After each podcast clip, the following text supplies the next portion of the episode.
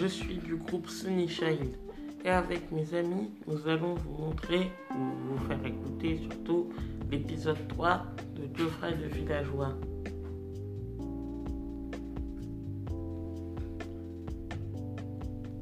La dernière fois, on s'était arrêté sur le fait que Geoffrey avait rencontré euh, son frère et qu'il a su euh, que son frère n'était pas mort.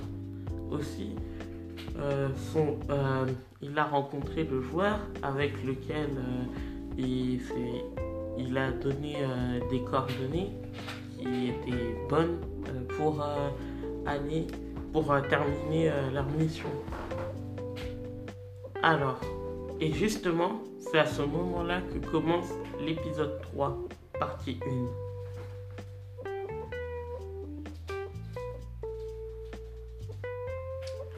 Nos deux amis commencent euh, leur aventure par euh, ben, la suite du Stronghold 1 2, pardon, de la forteresse surtout.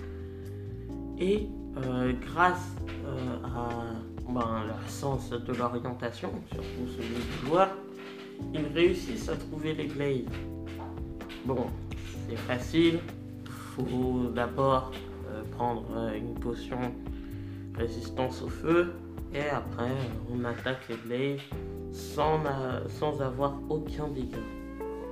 Et vraiment, la seule chose qui peut déranger, c'est les particules de feu qui sont à côté, parce que ça brûle la vue.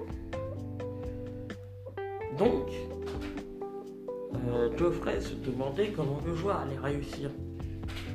Alors, il vit une boule blanche sur la main droite du joueur. Après, quand il vit le joueur les lancer sur les blazes, il comprit ce qui s'est vraiment passé. En fait, c'était des boules de neige et comme les, les Blaze n'aiment pas le froid, du coup, euh, voilà, ça faisait plus de dégâts c'était beaucoup plus facile. Bon. Geoffrey félicite le joueur vraiment bien fait, hein, qui avait euh, bien détruit les Blaze, etc. Et avant qu'il ne réapparaisse, le joueur lui a dit Hé, Geoffrey, on s'éloigne de là et après, tu vas te changer avec ces vêtements. Ok? Ok. Oui, maintenant on a une voix pour Geoffrey. Geoffrey, alors, parti avec le joueur et sans plus attendre, euh, ils ne furent pas accueillis. Bien sûr, trois wizards squelettes, bien, hein trop facile sinon, venait d'arriver. Des épées en pierre, heureusement, Geoffrey et le joueur n'eurent aucune difficulté à les vaincre. Même avec euh, trois blocs de haut quand même. Bon, pas tout, mais euh, le joueur, avec quelques blocs de netherrack, créa un petit vestiaire et grâce au bois euh, de chez, chez le biome carmin où ils habitaient, il a créé une porte. Euh, ben, grâce à cette porte, Geoffrey pu se changer en un magnifique piglin brut. Oui, brut. De base, un piglin brut, ça doit protéger un bastion.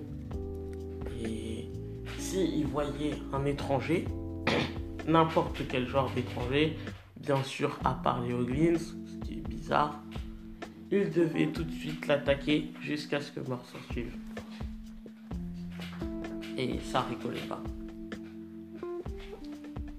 Mais comment vaincre les Piglins si on peut pas euh, entrer dans un bastion sans être euh, connu?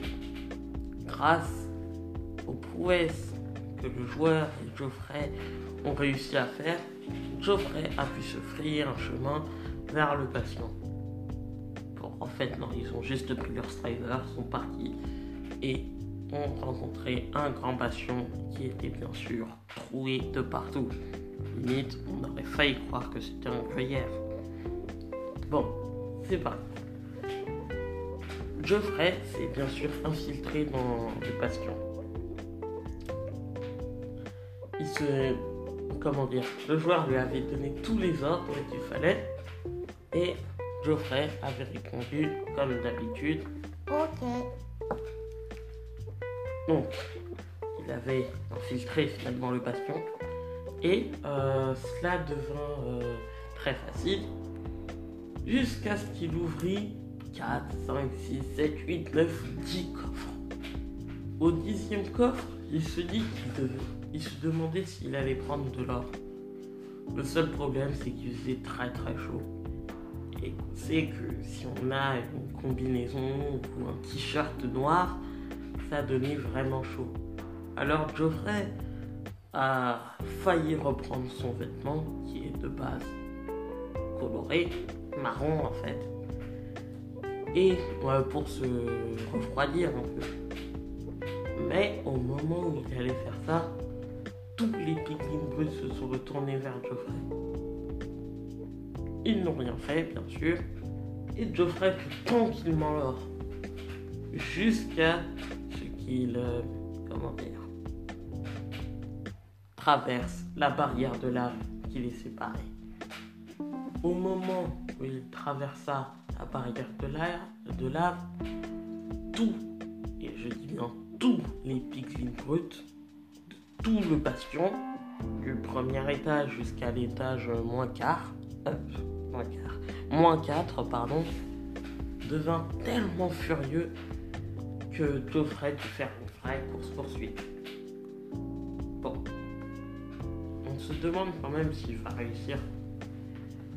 Est-ce que finalement il va réussir à rejoindre le joueur? Est-ce que par hasard il va pas tomber dans la lave En tout cas, tout ça, vous le verrez dans la partie 2 de l'épisode 3